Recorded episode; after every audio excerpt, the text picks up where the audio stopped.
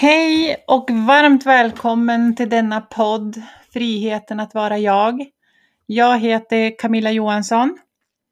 Det här är då del två av min bok. Så är det första gången du kommer in här nu så tycker jag att du ska börja på del ett. Men vi fortsätter den här resan framåt nu. Det är dags att vakna.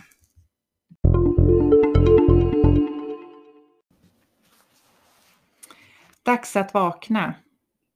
Eget ansvar. Jag ville bygga upp en ny stabil grund att stå på. Det är nog det starkaste kortet jag satt på. Jag vill. Hur kunde det bli så här? Hur kan man driva sig själv till utmattning och andra sjukdomar? Och hur påbörjar man sin vandring tillbaka till livet? Jag har inget facit på hand. Jag kan bara dela med mig av mina erfarenheter de insikter jag fått och det som fungerade för mig och det jag tror på. Jag hade turen att ha ett enormt stöd ifrån min omgivning, underbara kollegor och förstående chef. Jag hade förmånen att få hjälp med att komma i kontakt med företagshälsovård med jättebra läkare och jättebra terapeut. Jag hade stöttande föräldrar, familj och vänner och jag kom även i kontakt med alternativa terapiformer som blev en viktig del i min resa framåt. Men framförallt så ville jag själv så starkt förändra. Jag ville verkligen komma till insikt med hur jag fungerar, vem jag är. Jag ville bygga upp en ny stabil grund att stå på. Det är nog det starkaste kortet jag satt på. Jag vill. Jag fick tidigt under min sjukskrivning höra begreppet företagets tragiska hjälte, vilket då skulle vara jag. Det här var en av mina viktigaste insikter i min väg tillbaka som även verkade som en drivkraft. Jag var inget offer som någon hade lämpat över en massa ansvar på. Jag blev fullt medveten om att jag helt och hållet på egen hand lyckats driva mig själv till en utmattning. Det fanns ingen eller något som jag kunde skylla detta på. Om det inte hade varit för att min chef lämpat över så mycket uppgifter på mig, då hade jag inte blivit sjuk.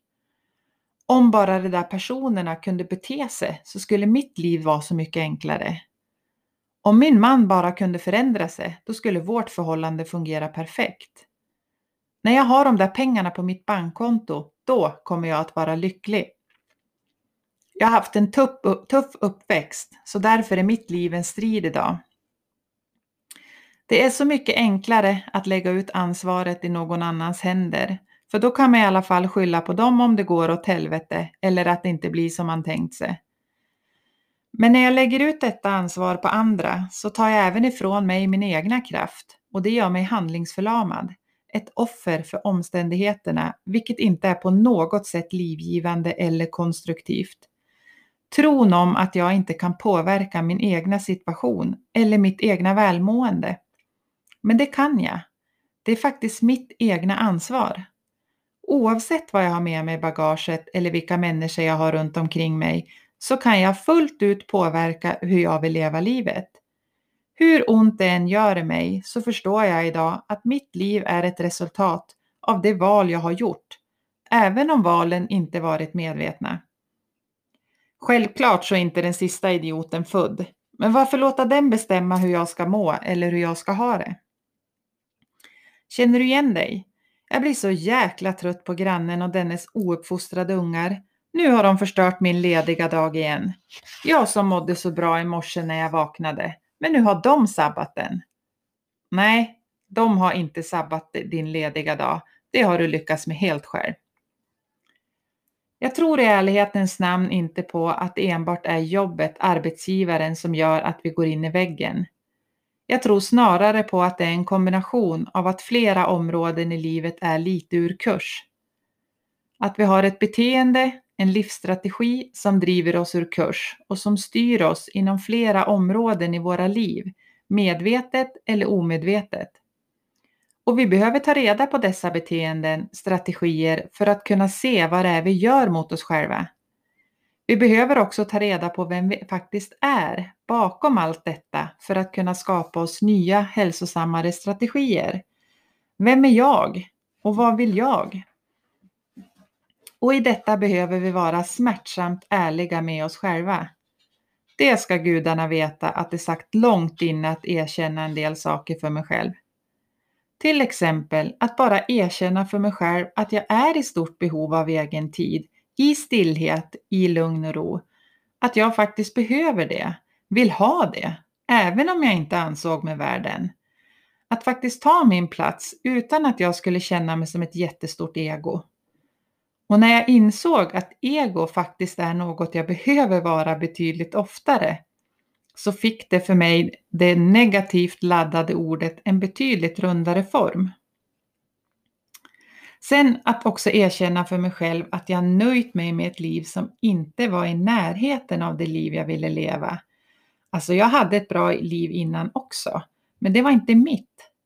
Jag hade skapat det utifrån vad jag trodde jag borde ha och vad jag trodde jag behövde vara. Ja, jag skulle kunna fortsätta här med massor av exempel som suttit djupt rotade. Snacka om att jag har levt i förnekelse i mångt och mycket, men jag visste inte bättre då. Jag har fått frågan många gånger om vad arbetsgivaren hade kunnat göra för mig. Vilket ansvar arbetsgivaren har i detta. Jag har verkligen tänkt mycket kring det, om det hade kunnat gjort något för att förhindra att det skulle gå så långt som en till, som en to, till en total utmattning. Och jag har även bollat lite med en psykoterapeut kring detta. Jag sa ganska direkt att min chef och mina kollegor inte hade kunnat gjort något. Jag hade verkligen ingen insikt i vart jag var på väg att barka. Jag kanske behövde lära mig den hårda vägen, ni vet när mina kollegor sa åt mig att gå hem för dagen, jag jobbade oftast över, eller att jag skulle slita mig för att ta en fika. Snart, jag ska bara. Eller att det sa rent ut att jag borde tagga ner lite och att jag jobbar för mycket. Det var verkligen oroliga för mig. Jag tog inte detta som varningssignaler eller att jag behövde slå av på takten. Snarare så blev jag oerhört smickrad, kände mig ännu duktigare och oövervinnelig och på det ruset kunde jag jobba ännu hårdare. Så återigen, hade det kunnat gjort något? Ja, det som nog hade behövts för att stoppa min framfart på det området hade faktiskt varit att tydligt och bestämt frånta mig arbetsuppgifter och kanske begränsa min arbetstid. Att inte jobba hemifrån när jag till exempel var hemma med sjuka barn. Och framförallt lämna jobbtelefonen kvar på jobbet. Jag vet att jag skulle ha tagit detta väldigt hårt då och inte sett det som en hjälp utan snarare att jag blev fråntagen uppgifter för att jag inte gjorde mitt jobb tillräckligt bra. Men med tydlig information om varför så hade jag kanske lyssnat. Det som låg bakom detta var ett osunt beteendemönster och tankemönster. Så även en möjlighet att få prata med en terapeut eller liknande hade varit av vikt i förebyggande syfte och framförallt skapa en medvetenhet kring det beteende jag hade.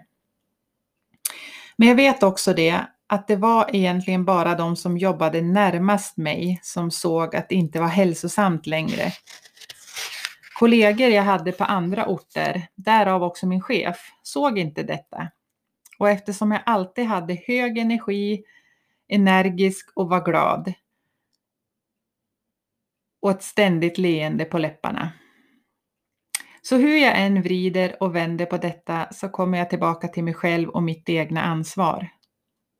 Om du nu faktiskt känner och erkänner för dig själv att det är alldeles för hög arbetspress, att du mår dåligt, sover dåligt eller andra tecken på begynnande utmattning, eller att du helt enkelt allt för sällan kan säga att du mår bra.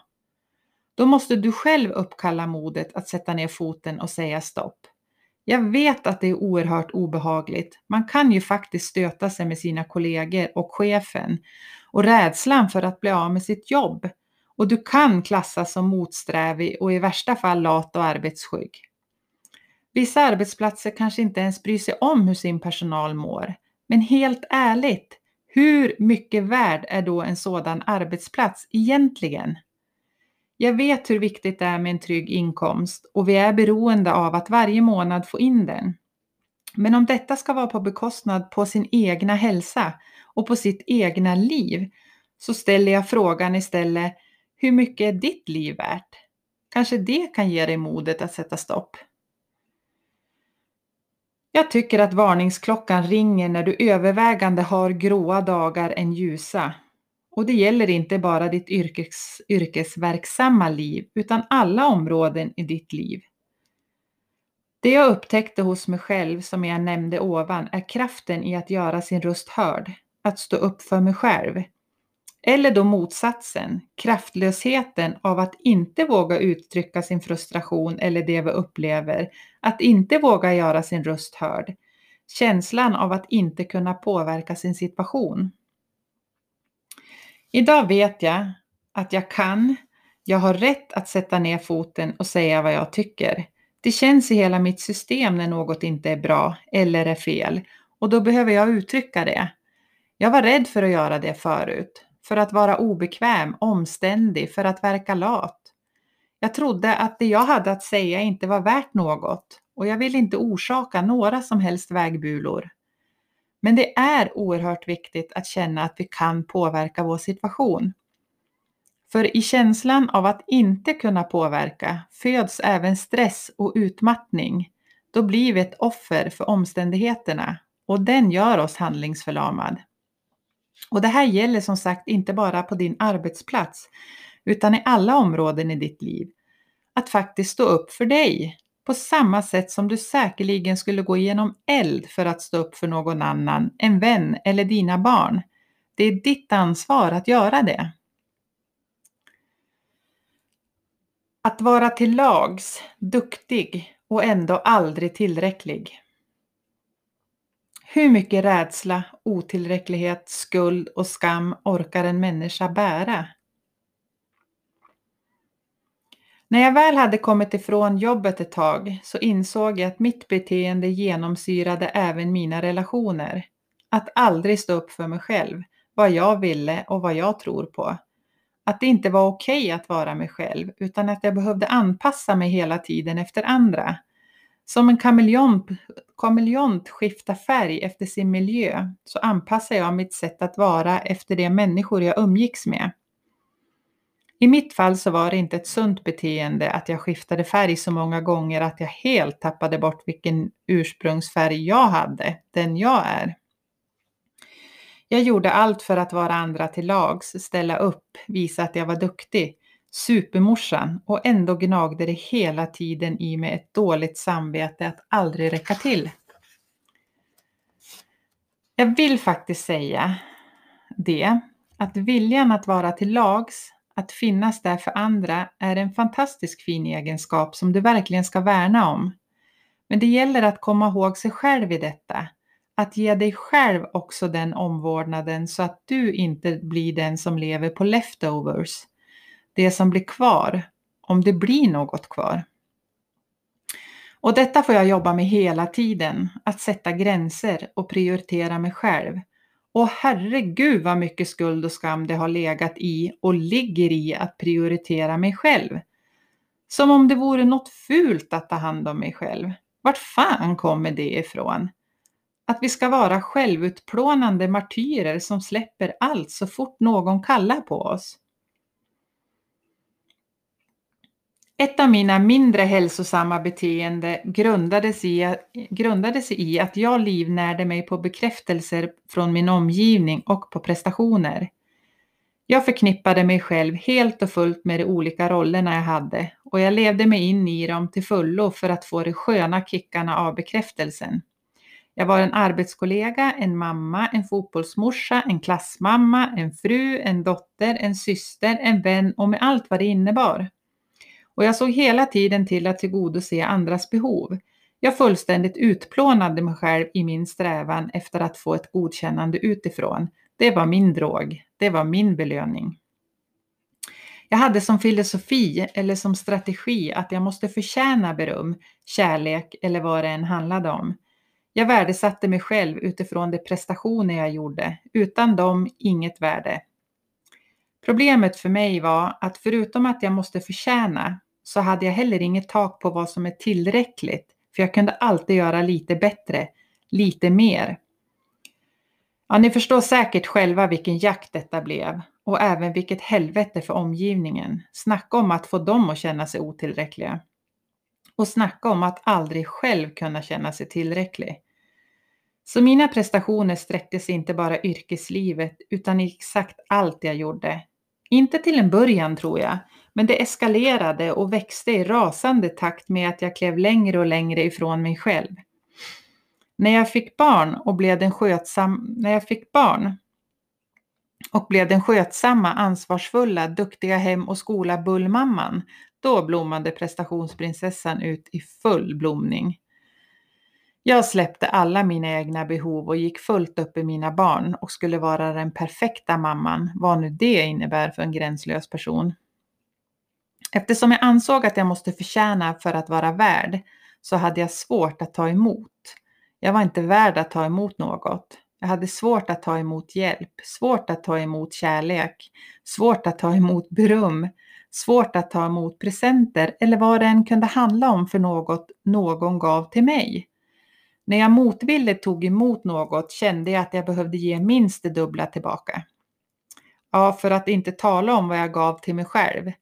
Noll. Jag gav hellre än att behöva ta emot. Och det, mina vänner, skapar en enorm obalans. För till slut ger man utan att fylla på och att ge ur en tom tank leder till martyrskap och bitterhet. Oh, det är säkert. Jag blev bitterfittan personifierad. Jag kunde även slå oerhört hårt på mig själv om jag missade något eller inte lyckades tillräckligt bra med något jag gjort. När det kommer till mina barn så var jag min värsta fiende om jag inte fanns där för dem till 200 procent. Då rev och slet otillräckligheten i mig som vassa knivar. Kan ju låta märkligt med tanke på att jag egentligen aldrig var närvarande. Fysiskt ja, men inte mentalt. Jag kommer ihåg ett tillfälle då jag glömde att skicka med min då 67-åriga, inte 67 år, 6 till 7-åriga dotter frukt till skolan. Hon berättade det för mig när hon kom hem efter skolan den dagen att hon inte hade haft frukt till fruktstunden, men att hon fick smaka frukt av de andra barnen. Jag fullständigt bröt ihop inombords. Vilken dålig mamma jag är, som inte kom ihåg att skicka med en frukt och fick sitta där hungrig hela förmiddagen. Vad ska fröken tycka om mig nu? Vilken oansvarig mamma jag är. Och kommer min dotter någonsin lita på mig igen att jag kan ta hand om henne? Det här slet i mig och det tog flera dagar för den tunga känslan av nederlag och skuld att försvinna. Ja, idag kan man ju tycka, men herregud, vad är detta att brusa upp sig för? Hon fick ju frukt av andra barn som frikostigt delade med sig. Hon hade faktiskt överlevt denna förmiddag även om frukten var glömd denna gång. Fröken hade säkerligen en backup, för jag antar att det inte bara är mitt barn som glömt frukten någon gång. Jag menar, det är bara en jävla frukt. Jag är ju ingen sämre människa för att jag skickade, glömde skicka med en frukt vid ett tillfälle. Inte heller om det varit fler tillfällen. Och min dotter var inte anklagande när hon berättade, utan bara informerade hur det hade varit. Hon tyckte säkert det var spännande att få smaka av andras frukter. Men jag valde att ta detta som att jag hade misslyckats och att jag var otillräcklig. Jag hade verkligen misslyckats som min roll som mamma och därför skulle jag straffa mig själv med all tänkbar skit jag kunde frammana. Snacka om att göra en höna av en fjäder. Det var för fan bara en glömd frukt. Det var ju inte så att jag hade glömt kvar henne uppe på en fjälltopp utan kläder, mat och vatten. Ja, och det kära läsare har jag haft svart bälte i att göra. Skuld och skambelägga mig själv brutalt och skoningslöst. Detta ältande av vad som varit och vad jag hade kunnat göra bättre. Detta vridande och vändande på vad andra människor sagt och gjort, vad de skulle tycka eller inte tycka om mig. Denna rädsla för att inte passa in, för att inte få tillhöra, gjorde mig till en kameleont. Till att anpassa mig till den miljö jag befann mig i för att få vara en del av den.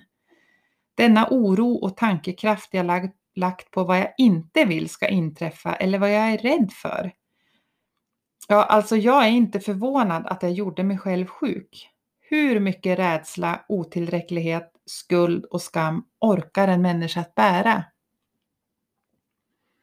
Under min rehabilitering som heltidssjukskriven så blev jag rekommenderad av min läkare att läsa en bok som heter Duktighetsfällan. En överlevnadshandbok för prestationsprinsessor. En bok som jag också verkligen vill rekommendera dig att läsa om du känner igen dig i det jag skriver. När jag läste denna bok så blev det så tydligt för mig att jag även försökte vara duktig under min rehabilitering. Säga och visa terapeuten vad duktig jag varit så att hon skulle ge mig bekräftelse på att jag var duktig. Hade jag inte fått denna insikt så tydligt för mig så hade jag nog rehabiliterat mig sjuk igen. Jag har verkligen insett att det finns varken genvägar eller snabba lösningar för att återvända till livet. Ett liv som jag vill leva. Som jag skrev tidigare så finns det oerhört bra hjälp och stöd att få som underlättar, men jobbet måste jag göra själv.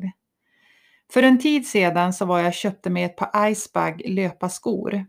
När jag stod där och provade ut dem så såg jag framför mig hur lätt och snabbt jag skulle ta mig fram i skogen och vilken energi jag skulle ta mig fram med. När jag kom hem och skorna stod i hallen så insåg jag att dessa skor kommer inte sticka ut i skogen av sig själv, utan jag kommer att behöva snöra på mig dem och bege mig ut och göra jobbet. Självklart kommer det att underlätta för mig, men jobbet behöver jag göra. Och jag ber dig återigen om att verkligen vara ärlig med dig själv.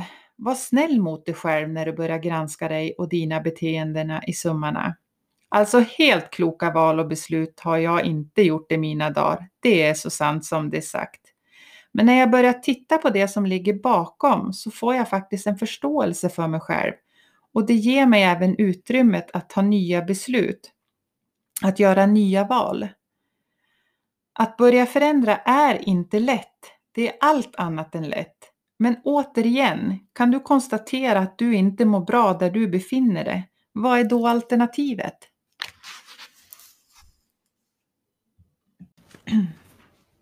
Hur påverkas omgivningen?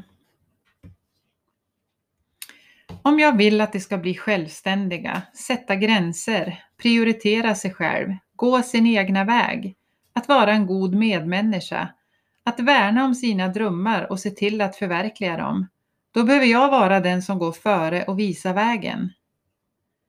Nu har jag tagit upp en hel del av hur jag kände mig och hur jag har agerat. Men hur har mitt osunda beteende påverkat min familj och det jag har runt omkring mig? Många av oss lever kanske i olika familjekonstellationer och min tidigare livsstrategi och utmattning till följd har inte gått dem obemärkt förbi. Det här är ett avsnitt som inte är helt utan känslomässig smärta för mig. Jag har orsakat mina närmsta mycket lidande för min framfart, främst mina barn, utan att jag själv har sett det eller förstått förrän i efterhand. Men jag visste inte bättre då. Jag trodde inte att det fanns några andra sätt. Men om du känner igen dig i det jag har skrivit så har du nu en möjlighet att göra annorlunda redan idag. Har du någonsin stannat upp och sett dina barns reaktioner när det brunnit av för något du tycker att de har gjort? Men där anledningen till att du brann av egentligen var för att du var så jäkla stressad eller något annat som pågick inom dig. Hade du varit i balans hade din reaktion blivit något helt annat.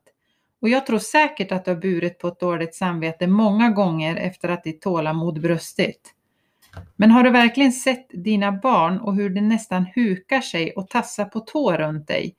Livrädd att vreden ska bryta lös igen, för de har ingen aning om vad som hände eller vad de gjorde fel.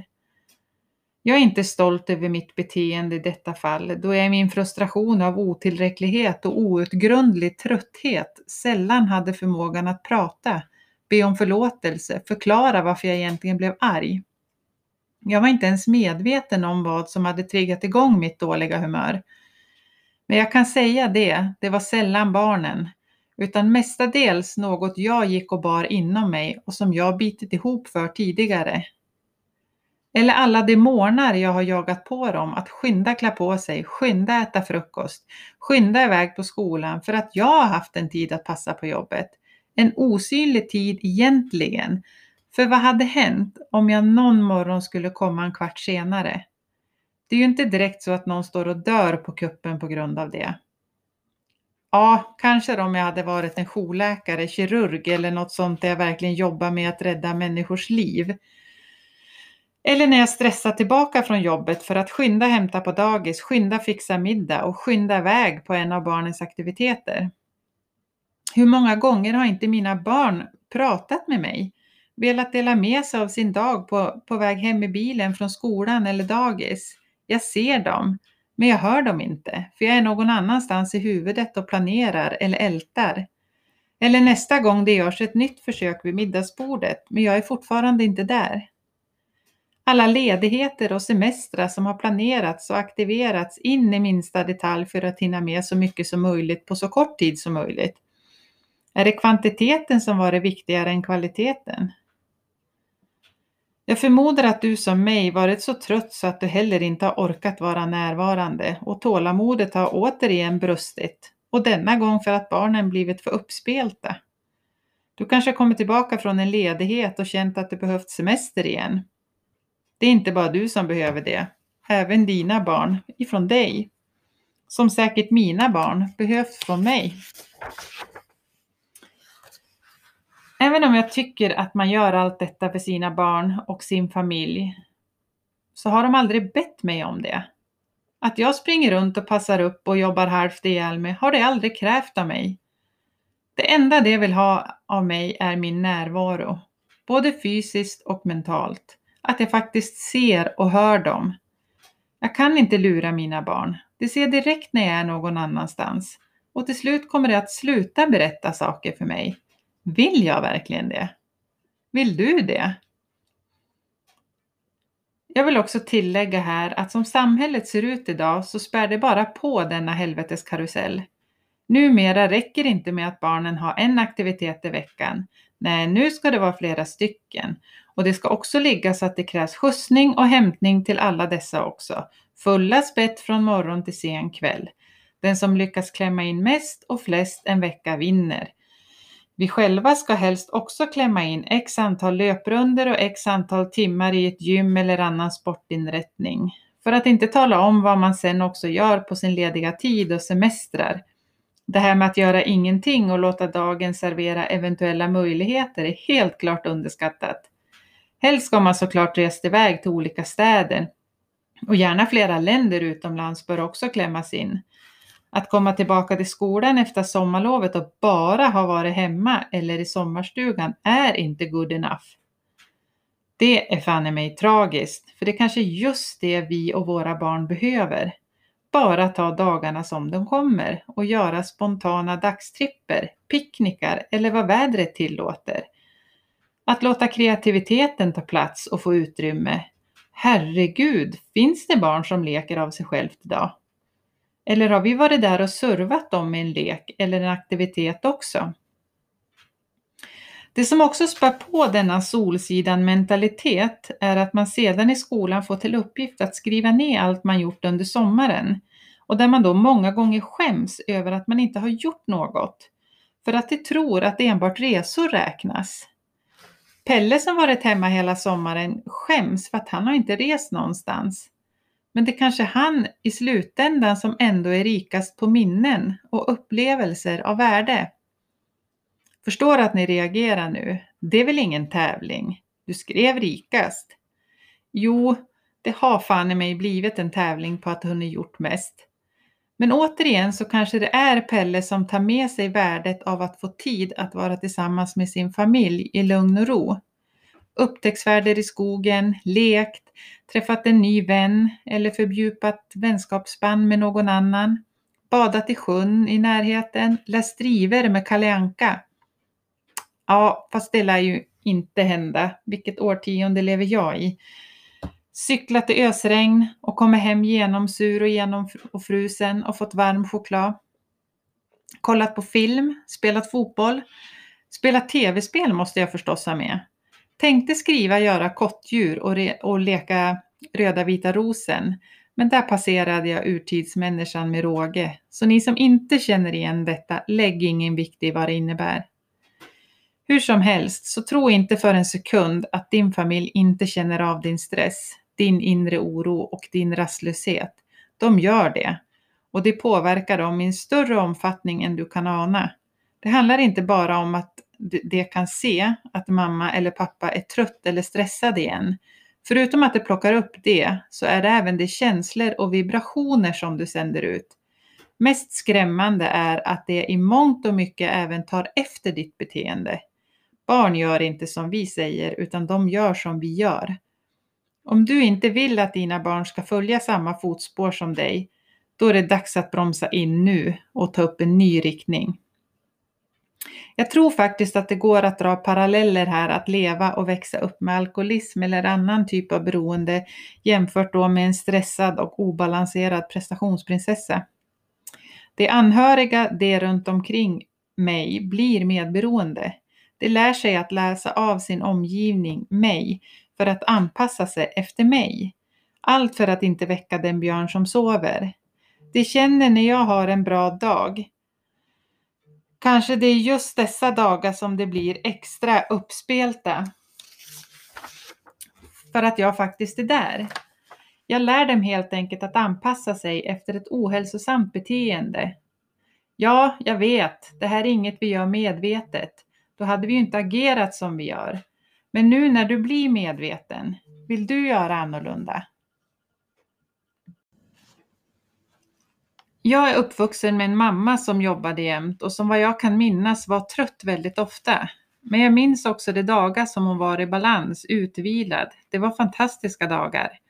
Jag minns också de dagar hon inte var det. Hur jag liksom tassade på tå för att inte störa. Jag ville bara att hon skulle vara glad. Och trots att jag har haft med mig detta i bagaget så har jag gjort exakt samma sak själv. För jag har inte varit medveten om att det är just det jag har gjort. Jag har i alla fall inte velat erkänna det för mig själv.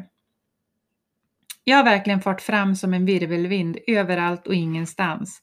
Och självklart jagat på min familj som inte orkat eller med största sannolikhet inte velat hålla samma tempo som mig. Jag har tappat tålamodet allt för många gånger och det har skurit som knivar inombords när jag har sett barnens reaktion. Men det är först nu i efterhand som jag verkligen förstått hur det har mått i min närvaro och hur mycket det har påverkat dem. Vi har pratat mycket om detta nu de senaste åren och det har och läser fortfarande av mina sinnesstämningar. Jag tycker att jag är duktig på att dölja, men de går inte att lura. Förut vågade det inte alls säga något till mig, utan det drog sig undan och tystnade. Dels för att jag inte lyssnade och dels för att de var rädda för mig. Rädd för att jag skulle bli arg, eller argare. Det gör så ont i hjärtat, men så viktigt att förstå. Denna ilska jag har känt många gånger för att jag egentligen varit så trött och otillräcklig är en ilska som barnen tyckt varit väldigt obehaglig. För även om jag ibland sagt att det inte beror på dem, så har deras känsla verkligen varit att de, de har gjort något fel. Inte varit tillräckliga, men inte förstått vad de gjort. De har istället försökt göra mig glad och det är verkligen inte deras ansvar att bära. Det är mitt egna. Idag har vi en mycket bättre kommunikation för att jag helt enkelt kommunicerar numera. Det är inte heller rädda för mig eftersom jag är mer i balans. Men det är fortfarande väldigt känsliga och är en barometer för mig. Jag känner ibland inte själv att jag eldar igång, utan då kan det komma ifrån dem. Men mamma, tagga ner, du stressar. Jag uppskattar verkligen det, för det blir ytterligare en påminnelse till mig att stanna upp och reflektera över det som jag jagar upp mig för. Är det verkligen något att jaga upp sig för? Finns det andra sätt att lösa det på? Kan jag be någon om hjälp? Jag vill verkligen inte att mina barn ska slösa så många år som jag har gjort genom att springa i ekorrhjulet eller åka i helveteskarusellen och anpassa sig efter andra. Så det är mitt jobb att vara en förebild för dem nu och visa dem att det finns så mycket mer av livet att hämta än vad jag tidigare gav mig själv.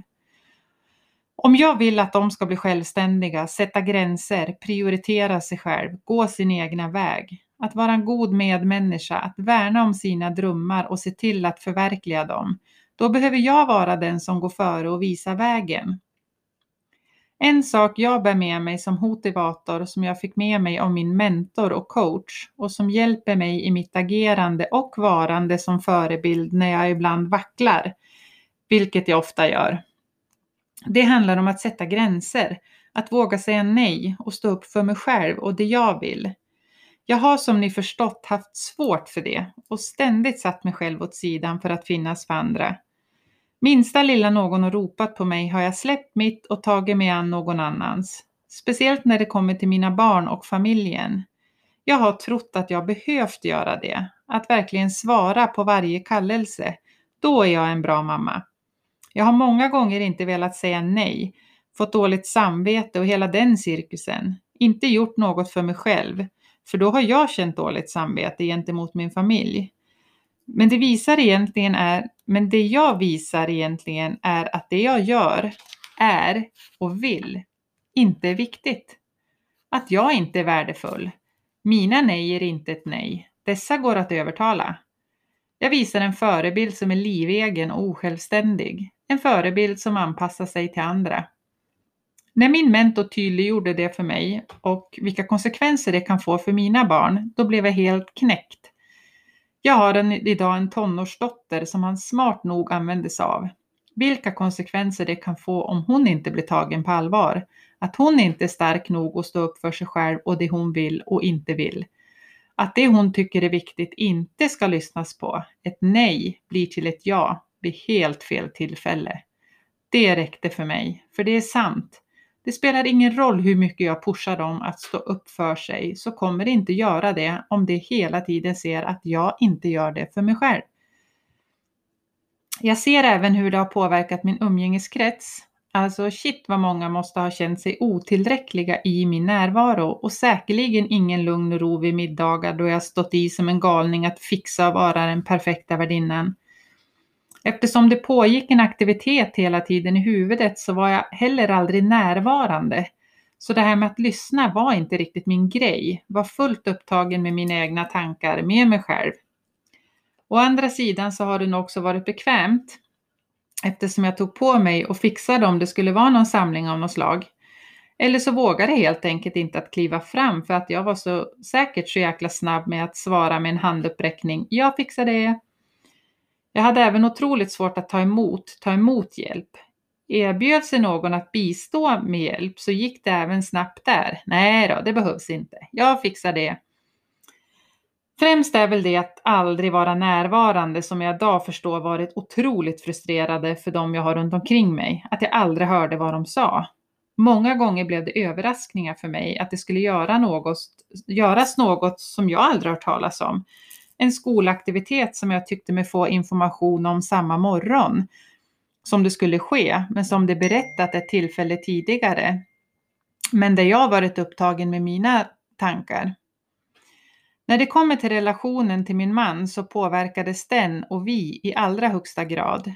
Jag och min man är varandras motpoler. Jag gasar och han bromsar kan jag kort sammanfatta det hela. Och med detta sagt så förstår ni frustrationen för oss båda då jag skenade fram som en galen häst och han släpades efter och höll i tummarna och försökte bromsa mig. Varje gång han bromsade så slog jag bakut och rusade snabbare och för varje gång jag gjorde det tappade han taget om tummarna och halkade ännu längre efter och blev mer, passiv. Jag gav egentligen inte honom chansen att dela arbetsbördan hemma. Det gick mycket snabbare när jag gjorde det och det blev på mitt sätt. Och jag kan se i början av relationen hur jag tog på mig allt självmant för jag ville på det sättet ta hand om honom och visa att jag var duktig på att sköta ett hem. Herregud, vilket årtionde lever vi i egentligen? Jag släppte aldrig in honom i detta och när han försökte på sitt sätt att hjälpa till så var jag säkert där och kritiserade och rättade till för att det inte blev som jag ville. Jag tyckte inte att det fanns någon rättvisa i världen att jag skulle behöva göra precis allt hemma familjens projektledare. Jag kunde inte förstå varför jag skulle behöva städa på all ledig tid medan min man kunde ligga i soffan och sappa på TVn eller prioriterade att tvätta bilen istället för att hjälpa till inomhus. Och sen när kvällen kom hade han mage att tro att jag skulle vilja ha sex när jag var helt urlakad av alla bestyr jag hade behövt göra under dagen. Så jäkla fräckt av honom. Vem tror han att han är? Tror han verkligen att det finns något som helst utrymme för honom när jag minsann vikt hela dagen till att göra det bra för familjen? Jag behövde minsann också en stund för mig själv, så sex, det kan han glömma. I min, I min värld så gav jag all min kärlek genom att göra eftersom det var just detta jag förknippade kärlek med. Att vara förtjänt av kärlek, då innebär det att man gör något. Om jag gör något för andra så ger jag kärlek. Så jag gav ju allt hela dagarna och jag använde detta sedan som bestraffning. Fick jag ingen hjälp skulle minsann heller inte han få något. Kort och gott blev jag en riktig bitterfitta, en martyr. Och förutom att det inte var så trevligt för min omgivning och min relation så tror jag att den som mådde sämst var jag själv. Jag blev någon jag inte är. Och jag bar otroligt mycket ilska med det. Det här var något som växte sig större och större genom åren. Ju mer jag valde bort mig själv och mina egna behov, desto mer bitter blev jag mot, mot min omgivning. Jag tyckte, jag bara gav och gav och gav men fick fan i mig inget tillbaka. I alla fall inte på det sätt som jag förväntade mig att få. Och en sak som jag insåg i efterhand var att detta blev ett beteende för att nästan straffa min omgivning och främst då min man. Jag visste ju verkligen hur man gjorde för att gå med knuten näve och vara arg, så den rollen var lätt att kliva in i. Och återigen, gör man inget förtjänar man inget och med det en gränslöshet för vad som är tillräckligt så kan ni ju förstå att det var en omöjlig match för min man att kliva in i. Jag var förbannad, besviken och tyckte synd om mig själv och jag städade och skötte allt själv i rena ilskan. Och jag har insett att jag till slut inte tillät någon att kliva in och hjälpa till, för då hade jag inte längre någon anledning att få vara arg och bitter. Ingen anledning att skjuta honom bort från mig. Jag kan tänka mig att jag verkligen låter som en galen panna i mångas öron. För när jag sitter och skriver detta så är det ju helt sjukt vad man gör mot sig själv och hur även det slår ut mot andra. Varför spela så tufft spel när man inte behöver? Varför göra det så svårt och så tungt för sig själv? Där och då såg jag inte detta. Jag var ju mitt i infernot. Nu ser jag det och förändrar det. Men det ska gudarna veta att det är inte helt utan komplikationer. Det är så jäkla lätt att falla tillbaka till bitterfittan för våra olikheter kvarstår. Men jag kan faktiskt välja hur jag vill reagera på det. Att bli arg och bitter hjälper inte. Att tiga hjälper heller inte. Det bara dränerar mig på energi. Om jag vill att min man ska förstå mig och hur jag vill ha det så måste jag kommunicera det på ett sätt som han förstår det på. Och för det krävs fan i mig en detaljerad karta och en kompass. När vi ändå är inne på arbetsfördelningen i hemmet som jag vet många tycker är orättvist hemma hos sig själv. Min framfart har såklart inte bara varit till ondo för min familj. Såklart inte. Herregud vad vi har fått mycket gjort och allt har gått i en rasande fart. Min familj har egentligen inte behövt göra eller tänka för egen del, för jag har gjort det åt dem. Det var jag som klev in i den rollen från början. Det är inte för inte jag även kallar mig själv för familjens projektledare. Så när vi vill att våra familjemedlemmar ska kliva in och hjälpa till så behöver vi även släppa in dem. Är det viktigt att det blir på ditt sätt så behöver du visa dem hur du vill att det ska vara. Men det borde det väl ändå fatta och se, tänker du säkert nu. Nej, det borde det inte alls. Du har ju gjort det. Och i deras värld kanske det inte alls eftersträvar samma ordning. Det är inte lika viktigt för dem. Vill du att det ska vara på ett visst sätt, visa dem. Lägg den tiden det tar att göra det. Det vill säkert hjälpa till. Och gör det inte när du är arg. Då når du inte fram. Det är faktiskt inte så länge sedan jag fick ett bryt på att tvättkorgen bara ökade i volym och alla verkar tro att kläderna flyger in i maskinen själv. Tvättar och hänger sig själva. Då säger min son, Mamma du har aldrig berättat eller visat hur jag ska göra. Och för att det inte ska bli fel så har jag struntat i det. Om du visar mig hur du vill att det ska utföras så gör jag det. Hmm, intressant och så tänkvärt. För det är precis det här jag aldrig gjort. Berättat eller visat hur. Jag bara förväntar mig att det ska ske och då på mitt sätt. Och med tanke på hur jag betett mig när det inte blivit på mitt sätt så skulle jag precis som dem också strunta i att göra. Jo då, jag har helt enkelt gjort, gjort om och gjort rätt när det inte blivit på mitt sätt och gärna då iklädd rollen som bitterfittan. Sen ska jag inte bara skydda min mans passivitet med att jag var så himla snabb eller läskigt arg att han inte vågade kliva in och ta över. Det har nog varit jäkligt bekvämt för honom också att någon fixar, trixar, planerar och även tänker åt honom. Självklart en otrevlig upplevelse med mitt dåliga humör, men han fick mycket egen tid i soffan kan man säga. Eller egen tid för annat han ville göra. Aldrig behöva fundera på något mer eller någon annan än sig själv. Så även om jag var hemsk att leva med så fick han även ut något av det. Annars så borde han ha lämnat mig. Så med detta sagt, låt dig inte luras och tro att det är bara du som drabbas av din framfart i helveteskarusellen. Alla i din omgivning påverkas och blir medberoende på ett eller annat sätt. Allt är inte negativt, utan självklart så finns det guldkorn i det också.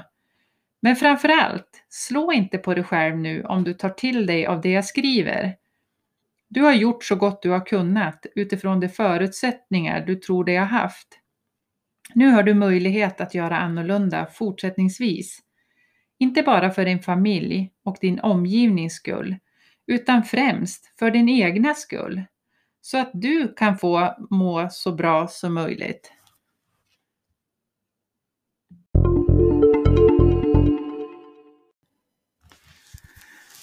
Tack snälla för att du har lyssnat. Och jag hoppas även med denna del att du har fått med dig något av värde. Och är det så att du vill bolla saker, reflektioner, tankar, funderingar så var inte rädd att höra av dig till mig. Jag ställer mer än gärna upp och var ett bollplank. Kontaktuppgifter till mig finns på eh, www.camillanj.com. Eh, det kommer såklart komma flera delar i det här, lite mer verktyg också framåt. Så stay tuned, ta hand om dig. På återseende. Hej då!